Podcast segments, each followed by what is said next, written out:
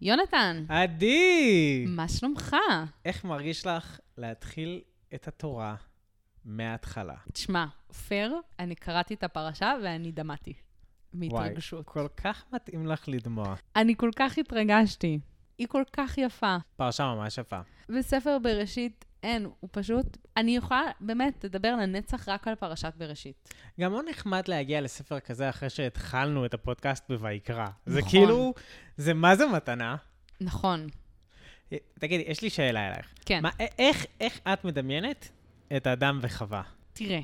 מתאים לי, מרגיש לי שאת מדמיינת אותם כמו ציורי ימי הביניים. לא, לא, לא. אני פשוט חושבת שיש שתי דרכים להסתכל על זה, כמובן, אוקיי? כן.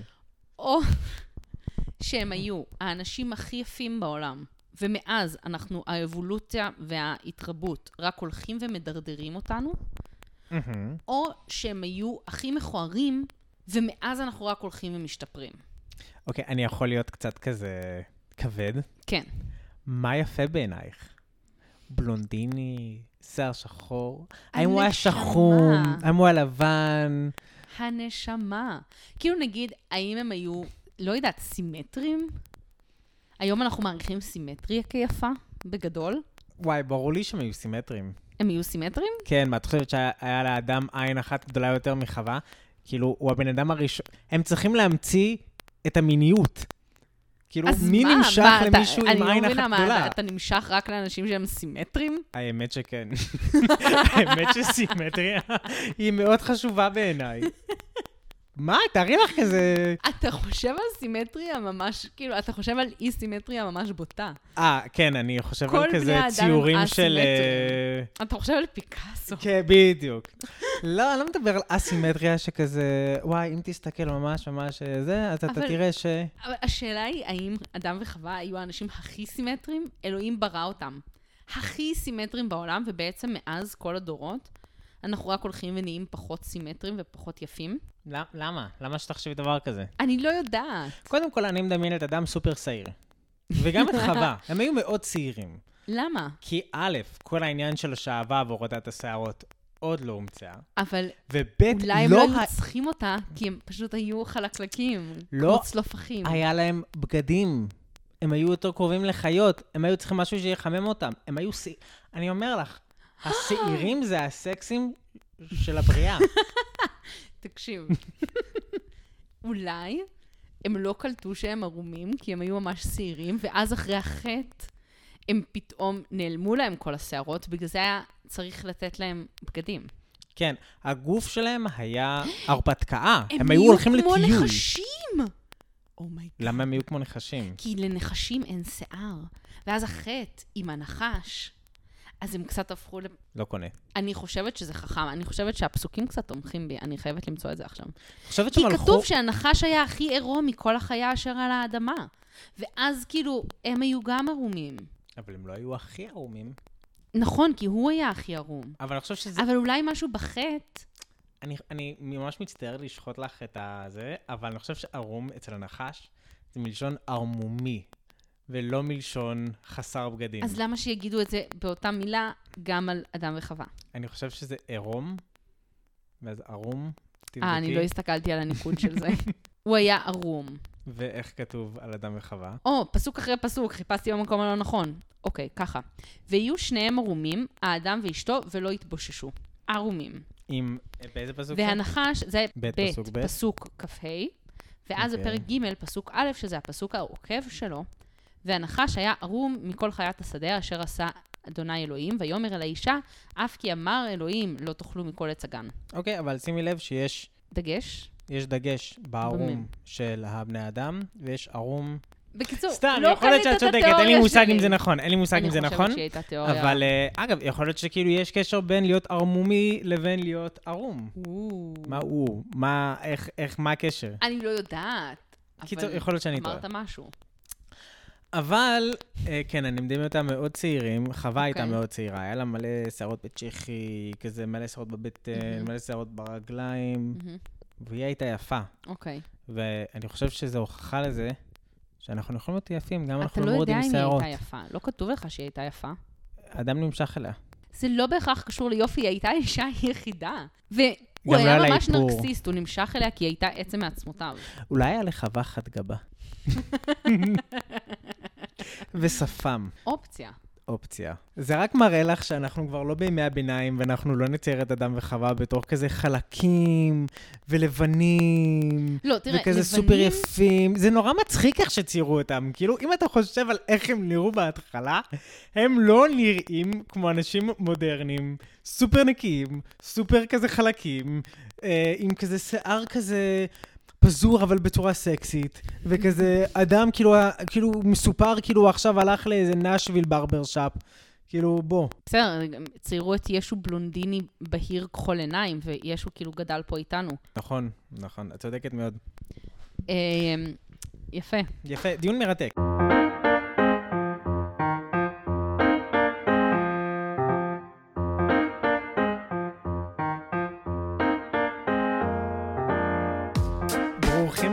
להוקלט ביום חול. פודקאסט רנדומלי על פרשת שבוע. אני ועדי עברנו על הפרשה, ליקטנו את הנקודות שהן מעניינות בעינינו, ולכן גם בעיניכם, והבאנו אותם לכאן. אה, אני עדי. ואני יונתן. אז אני רוצה להתחיל בלדבר על סיפורי הבריאה, אוקיי? Obviously. אנחנו בפרשת בראשית. Obviously. Obviously. עכשיו, חשוב לציין, אנחנו מתחילים, ספר בראשית מתחיל, ב, יש לנו ב, את פרק א', שמספר סיפור בריאה אחד, בפרק ב' יש לנו עוד סיפור בריאה. וקולמוסים נשתברו ונכון, על הפער הזה. נכון. בין פרק א' לפרק ב'. נכון. אני לא הולכת לשבור ולא קולמוס ולא פולמוס וכלום, אבל... מקסימום חוד של עיפרון. כן, אני רק רוצה להתחיל ולהבהיר שאני מדברת על סיפור הבריאה הראשון, שהוא סיפור הבריאה שיש לנו את אה, ויהי ערב, ויהי בוקר, יום אחד, יום שני, יום שלישי, אוקיי? אני מתחילה בו. ומה שהיה לי מאוד בולט, זה הקנה מידה. אנחנו מתחילים מזה שיום אחד הוא הפרדה בין אור לחושך. מהמם. וזה כל מה שקורה ביום הזה. רק הפרדה בין אור לחושך. ולעומת זאת, ביום השלישי, האדמה מצמיחה את כל הצמחים וכל הדברים, הם גדלים, וטה טה טה, וביום החמישי, כל החיות גדלות, ויש לנו זה, ואת החיות האלה, והחיות האלה, והחיות האלה. ואחרי שביומיים הראשונים, כל מה שאנחנו עושים זה להפריד בין אור לחושך, ואחר כך בין להפריד בין אמ, ים לשמיים. וככל שההפרדה היא משמעותית יותר, ככה לוקח לה יותר, היא לוקחת יותר אנרגיות, יותר זמן. היא יותר כבדה. משמעותית יותר או, דק, או, או דקה יותר? לא, משמעותית יותר. כי בין אור לחושך זה סופר משמעותי. נכון. עכשיו, ההפרדה בין אור לחושך היא אם כל ההפרדות. וההפרדה בין שמיים לארץ היא ההפרדה. כאילו, ההפרדות של הימים הראשונים הן קשות. קודם כל, ביום הראשון, אלוהים לא רק מפריד, הוא גם מהמם. יוצר את האור. נכון, כאילו, החושך כבר היה קיים, נכון. ואז הוא יוצר אור, ואז הוא מפריד ביניהם, ואז נכון מפריד בין, המי, בין השמיים ל, לארץ, שזה כנראה בין מים למים, אבל אז הוא לא מפריד, הוא, הוא פשוט יוצר. כאילו, אין המשך הפרדה, אז אני לא בדיוק מבין למה את מתכוונת. אני מרגישה שכל סיפור הבריאה הוא סיפור של הפרדה. יכול להיות שאני מושפעת אה, מיתר על המידה כבר מ... מהעולם שלנו לא, היום. טיל, מעולה, אני רק צריך שתסביר, אני לא כל כך אז כן, הבנתי. אוקיי. אז אני ממש מרגישה שהכל עניינים של הפרדות. וההפרדה בין אור לחושך ובין יום ללילה, היא הפרדה, מסתבר, הרבה יותר משמעותית מהפרדה בין חיה כזאת לחיה כזאת. זה בסוף, בסדר, זה פינאץ, מה זה משנה? בראנו חיות, נברא עוד, Mm. כאילו, נייצר עוד זן, עוד זן, אה, כאילו, פה כרומוזום לפה, פה כרומוזום לשם, יש לנו מין חדש. כאילו, כן. הם חולקים את רוב ה-DNA שלהם, זה שטויות לייצר עוד מיליוני סוגים. אז בעצם שככל שמתקדמים הימים, אז הבריא, ההפרדה בבריאה היא פחות משמעותית. כן. מה שאומר שהאדם הוא, הכ, הוא הכי פחות משמעותי. זה, הוא לא הכי פחות משמעותי. הוא פשוט הרבה פחות נפרד, אנחנו הרבה פחות נפרדים מהבריאה ממה שאנחנו חושבים. אנחנו תופסים את עצמנו כהרבה יותר שונים משאר החיות ומהדברים שקדמו לנו ממה שאנחנו. וההבנה שבעצם הבריאה הכי משמעותית היא קודם כל הבריאה של האור וההפרדה בין יום ללילה, זה mind blowing, כי אני מרגישה שבעולם שלנו היום, אנחנו לא מתייחסים המון להפרדה בין יום ללילה. אנחנו לוקחים אותה די כמובנת מאליו, ואנחנו אפילו נלחמים בה. אנחנו, נכון. אנחנו מאירים את החושך, מחשיכים את האור. אבל יש, לא, אבל יש הפרדה. קודם כל, כל העניין של חיי יום וחיי לילה. שאתה עובד ביום ואתה יוצא בלילה. יכול להיות שבאמת ההפרדה היא לא בין ערות לשינה, Mm-hmm. כמו שאולי היה יותר פעם, אבל יש הפרדה ממש גדולה בין יום ל... החיים ביום והחיים בלילה הם שונים.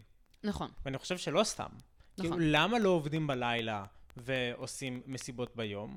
או למה לא נחים בבוקר ורואים סדרות של נטפליקס ובלילה עובדים?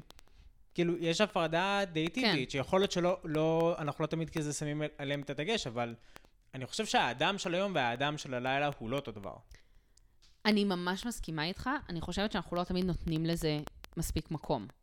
זאת אומרת, זה ברור שיש אנרגיות מאוד שונות בעולם, ביום ובלילה, כאילו, בחושך ובאור, פשוט. ובאמת, מסיבה יכולה להתקיים גם בלילה וגם בבוקר, ויש להם אווירה שונה לחלוטין. נכון. זה אירועים אחרים. אני, אני באמת חושב שבלילה, שבחושך יש, אה, יש, יש תוהו.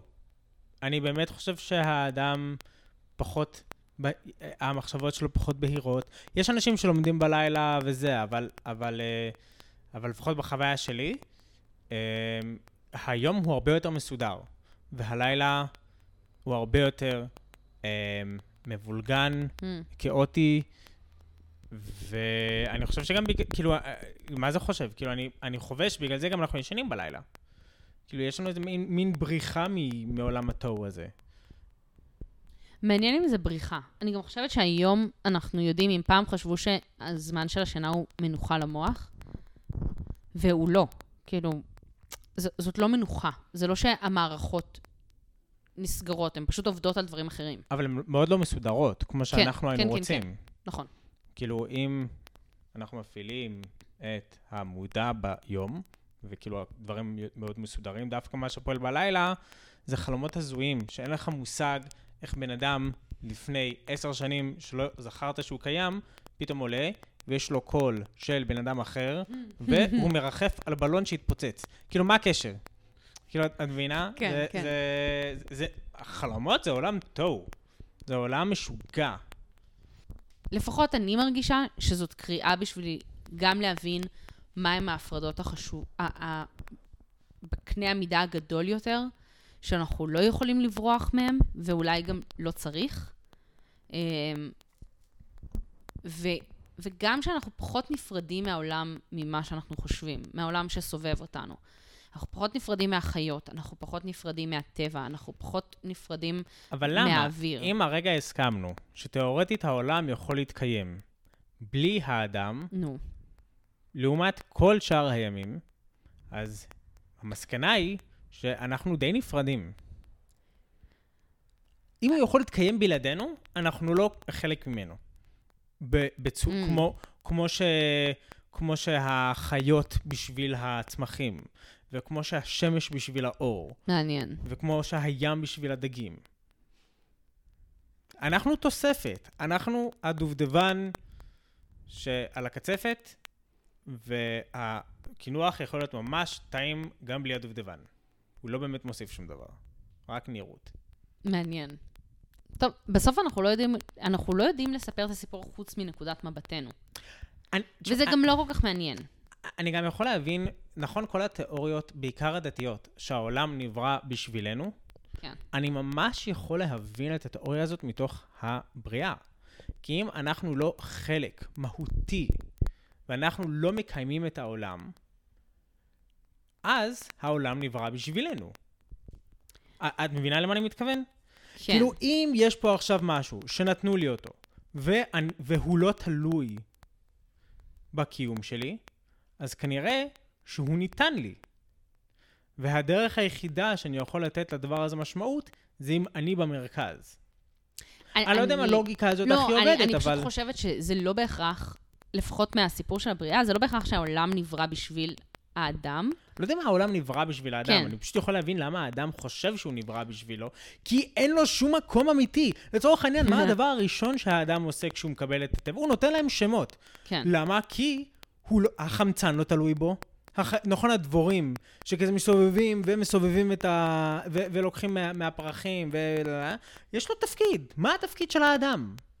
התפקיד היחיד של האדם זה ליצור משמעות בעולם. בשבילו. התפקיד של האדם, כי לאף אחד לא אכפת שיש שמות חוץ ממנו. נכון, אבל האדם ממש נברא כי אלוהים רצה לייצר אדם בעולם. מה זאת אומרת? תסבירי. ויאמר אלוהים, נעשה אדם בצלמנו כדמותנו, וירדו בדגת הים, ובעוף השמיים, ובבהמה, ובכל הארץ, ובכל הרמס הרומס על הארץ. ויברא אלוהים את האדם בצלמו, בצלם אלוהים ברא אותו, זכר ונקבה ברא אותם. האדם נמצא בעולם, כי אלוהים ברא אותו. הוא נמצא בעולם כדי לשלוט על העולם, כן, לפי הסיפור. not very nice. א- אגב, כאילו, מחשבה נוספת, נדבך נוסף, זה מה שאומרים? כן. על התיאוריה שהרגע כזה הצגתי, זה שאולי האהבה של אלוהים לאדם, מהמם. שאנחנו כל הזמן מדברים עליו, היא אהבה כל כך גדולה דווקא בגלל שהוא לא נצרך. Mm, כלומר, אני בראתי את השמש כי הוא נצרך בשביל האור. אני בראתי, נכון, את הזה, כי הוא נצרך בשביל זה. אם האדם הוא לא נצרך, ואני פשוט נותן לו תפקיד כדי שיהיה לו במה לעסוק, אז הסיבה היחידה שאני אצור אותו זה בגלל שאני אוהב אותו. למרות שנראה לי, בטח מסיפור הבריאה הראשון, שאלוהים מאוד אוהב את העולם פשוט. הוא מסתכל על מעשה ידיו, הוא כל הזמן אומר, וירא אלוהים כי טוב." טוב, וירא אלוהים כי טוב. וזה נכון. זה סיפור מאוד הוליסטי, של אהבת אלוהים את, ה, את העולם, והעולם נוצר מאהבה. נכון. אז עכשיו, אם אנחנו ממשיכים עם זה, עכשיו, זה היה הסיפור הראשון. נכון. ואז אנחנו ממשיכים למין, לסיפור השני. והסיפור השני באמת מרגיש כאילו הוא נכתב על ידי מישהו אחר, לחלוטין. אוקיי, מה הסיפור השני? אז אה, סיפור הבריאה השני, יש לנו תיאור שהוא מתחיל ככה, בתחילת אה, אה, פרק ב', אלה תולדות השמיים והארץ בהיברעם ביום עשות אלוהים ארץ ושמיים. כבר פה אנחנו רואים ביום עשות אדוני אלוהים ארץ ושמיים. חשבתי שהסיפור, אם סיפור הבריאה הראשון הוא הסיפור האלוהי, הוא נקודת המבט האלוהית על איך נברא העולם. הסיפור השני הוא העול, האדם מסתכל על העולם ומספר את סיפור הבריאה שלו. כן. עכשיו, האדם מתעורר יום אחד והוא אומר, אוי, תראו, תראו איזה עולם ברא לי אלוהים. כאילו, הכל קרה ביום אחד, ארץ ושמיים, וכל הסיפור הרבה יותר מקורקע. אנחנו מקבלים כבר, יש לנו נקודות התייחסות, יש לנו נהרות שיש להם שמות. אמ, יש לנו את המטרה, וגם, ויש פסוק נפלא שממש כאילו מסביר בדיוק את מה שאני אומרת, וכל שיח השדה טרם יהיה בארץ, וכל עשב השדה טרם יצמח, כי לא המטיר אה, אדוני אלוהים על הארץ, ואדם אין לעבוד את, האד... אין לעבוד את האדמה.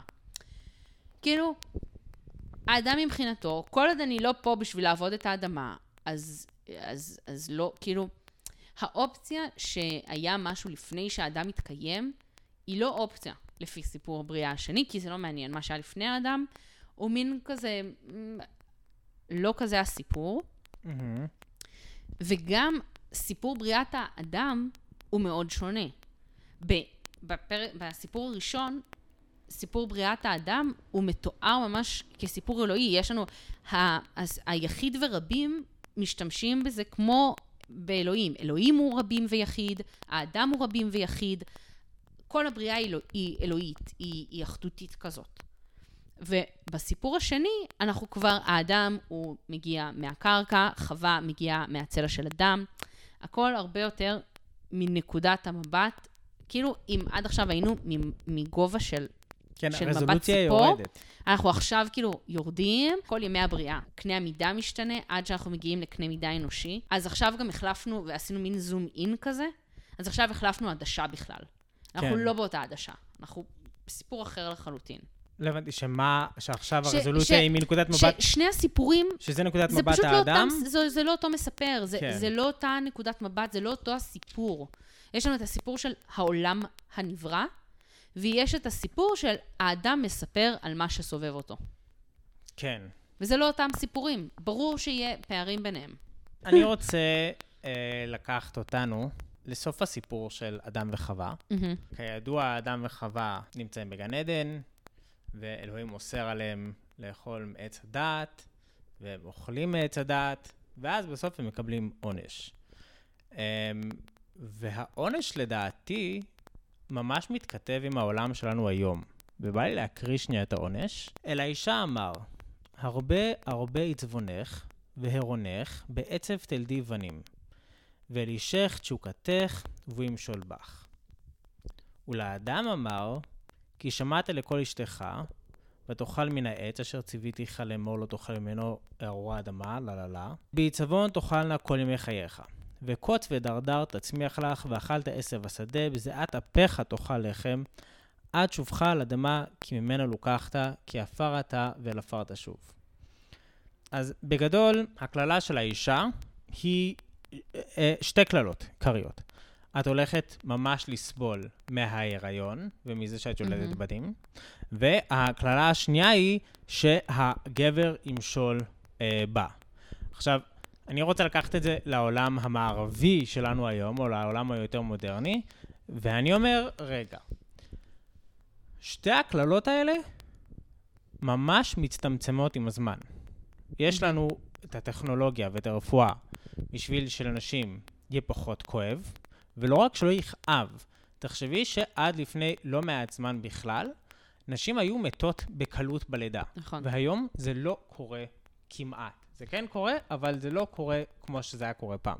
תחשוב שאפילו חברתית, היום יש לנשים בחירה אם בכלל ללדת. שזה מטורף. זה מטורף. זה, כאילו, אנחנו לא יודעים עד כמה... ואז אנחנו עוברים לדבר השני, שזה שהגבר שולט באישה, ושוב אנחנו רואים באמת, אגב, באותה התקופה שאמצעי המניעה הומצאו, מהמם. גם מתחיל כל המהפך הפמיניסטי. ואנחנו רואים היום שהמשפט הזה שהגבר מושל, אני חושב שהוא עדיין נכון, אבל בערבון כל כך מוגבל, ברמה שאי אפשר להשוות למה שהיה בעבר. נכון. ואני באמת חושב ומקווה שהעולם שלנו הולך למקום ש, שזה בכלל כבר לא נכון. יש לנו דרך ארוכה, אבל זה ממש הגיוני, כי העולם קיים כבר כמה אלפי שנים. כאילו, העול... החברה קיימת כבר כמה עשרות, מאות אלפי שנים, ואנחנו לא יודעים, אבל בהיסטוריה המתועדת שלנו די ברור שגברים היו, כאילו, אנחנו, ברוב החברות שלנו, הם כן פטריארכליות, ככה אני חושב, כן.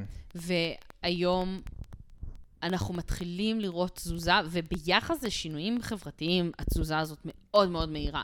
זה שלנו זה עדיין ממש מתסכל האיטיות של זה, והפערים הם. עדיין קשים, זה סבבה, אבל בסופו של דבר, המצב ממש השתפר באופן ממש מהיר. גם, גם בא לי להגיד שאני נדהם, מופתע כל כך לטובה, מהדברים שמפריעים לנו.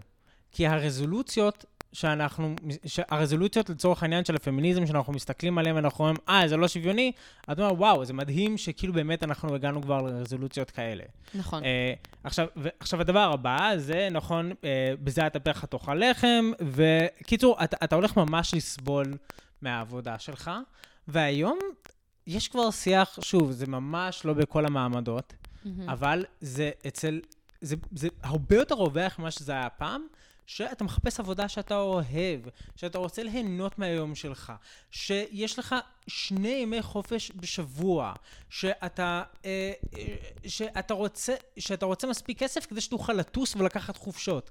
כאילו, גם פה הקללה ממש מצטמצמת. עכשיו זה דבר נפלא, וזה מביא אותי לתיאוריה שלי שאנחנו חוזרים לגן עדן. אממה, אני לא חושב שאנחנו אה, מוכנים לגן עדן. אוקיי. כי כשאתה רואה במציאות הזאת, שכאילו כשאתה מתאר את כל הדברים האלה, ואתה אומר, וואו, כאילו לפי הכללות אנחנו חוזרים למקום שהוא גן עדני, אבל עם זאת, את רמת הדיכאון שעולה ורמת הסבל מהפניות של הזמן, אתה, כאילו, אני מגיע למס, לאיזו מסקנה שאנחנו בגן עדן ואנחנו פשוט לא מוכנים לזה, וזה הגיהנום הכי גדול שיש. Mm, בסוף, יש משהו בקללה הזאת שאולי היא גם ברכה. כי ככה, אל תשכח שכשהיינו בגן עדן, כש... מה זה כשהיינו? כשאדם וחווה היו בגן עדן, הם לא אכלו מעץ הדעת. הם לא ידעו להבחין בין טוב לרע.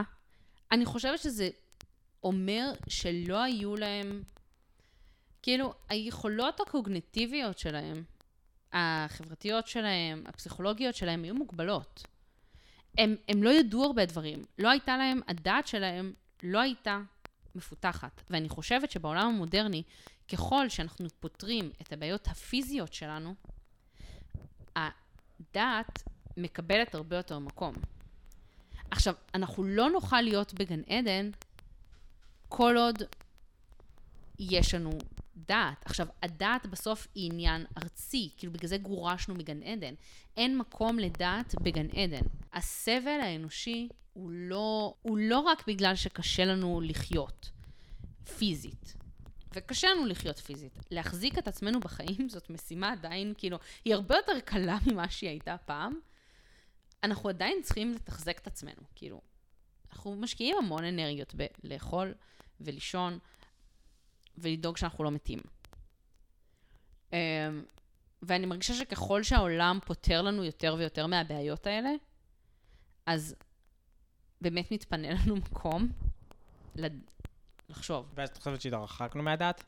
לא, לא, לא, לא. אני חושבת שהתקר... שאנחנו, שיש היום המון דעת, ולכן אנחנו לא מרגישים גן עדן. Mm. זה לא משנה כמה אנחנו נפתור את המסביב, זה לא משנה אם כל מה שאנחנו נצטרך זה לקטוף דברים כן. מעצים, ולא לעבוד אף יום בחיינו. זה לא משנה אם יהיה, וזה משהו שהיום אשכרה אנשים רציניים בעולם חושבים עליו, של Universal Basic Income. זה אומר שכל בן אדם בעולם יקבל סכום כסף כל חודש לחיות ממנו. כי יש היום מספיק עושר ושפע בעולם, פשוט בשביל לקיים את האנושות בלי שאנשים יצטרכו לעבוד. אם לא עכשיו, אז בעתיד הנראה לעין. זה פסיכי. אני לא יודעת אם אנחנו נחיה עד אז, כי אנחנו גם במקביל מביאים את העולם לאבדון. זה, זה כן. אוטופי ודיסטופי ביחד. הכל יכול להיות, הכל יכול להיות. כן, הכל יכול להיות. פשוט זה גם היה מאוד מעניין מה שאמרת על זה שכאילו, אה, אנחנו דווקא מתרחקים מגן עדן בגלל הדעת, שהעונש, ברגע שהיה להם דעת, הם שמו לב שנכון, הם ערומים. כן. אה, אז הדעת זה המודעות העצמית אולי קצת, לא יודע אם זה הדעת, אבל הדעת מביאה מודעות עצמית, mm-hmm. וכל הזמן הפנוי הזה שיש לנו, מתמקד די בניסיון שלנו למודעות עצמית, בחשיבה כן. של כאילו, אה, אה, אה, פשוט, קצת גיהנום. כן. אז עדי, את רוצה שנביא פסוק אהוב? כן. יאללה, יש פה מלא פסוקים מאוד מאוד יפים. נכון. אני הולכת פשוט לקחת את שני הפסוקים הראשונים. בתורה. בראשית ברא אלוהים את השמיים ואת הארץ, והארץ הייתה תוהו ובוהו, וחושך על פני תהום, ורוח אלוהים מרחפת על פני המים. יש משהו, כשאני ניגשת לקרוא את הפסוקים הראשונים בתורה, ואז אני אומרת, זה, זה הפסוקים הראשונים, אין לי נקודת יחס כרגע לכלום. עכשיו, זה לא נכון, אבל תיאורטית, אלה הפסוקים הראשונים. אני מנסה להבין, מה זה בראשית? מה זה תוהו ובוהו? ויש משהו בזה שזה מילים שאין להם, אין להם משמעות בעולם. זה לא כיסא, שולחן, בטטה. זה, זה מילים שהן עם, עם משמעות מאוד מאוד כבדה, ואני חושבת שלאנושות אף פעם לא הייתה דרך, כי זה המילים הראשונות, אין להם יחס לכלום. נכון. אז אנחנו היום מין מנסים בדיעבד להעניק להם משמעות. ואז כאילו כל אחד כשאומרים לו תוהו ובוהו, עולה לו איזה מין משהו. אבל הרגשתי שאין לי שום דרך להבין מה זה תוהו ובוהו. זה כמו אינסוף, כן, לא ואז יודעת. המילים האלה באמת מאוד יפות, כי הן מבטאות ריק, הן מבטאות את חוסר, את, את המוגבלות שלנו ואת הדברים שאנחנו אולי לא יכולים לדמיין. כמו שאתה לא יכול לדמיין מה היה לפניך, כן. מה היה אחריך. כן. זה, זה פשוט היה מין, הנקיות של הפסוקים האלה ממש היממה אותי. אה, אחלה שבוע ושבת, ווואי, תחילת ספר בראשית מהממת. איזה מרגש. אז אה, שבת שלום. יאללה, ביי. ביי.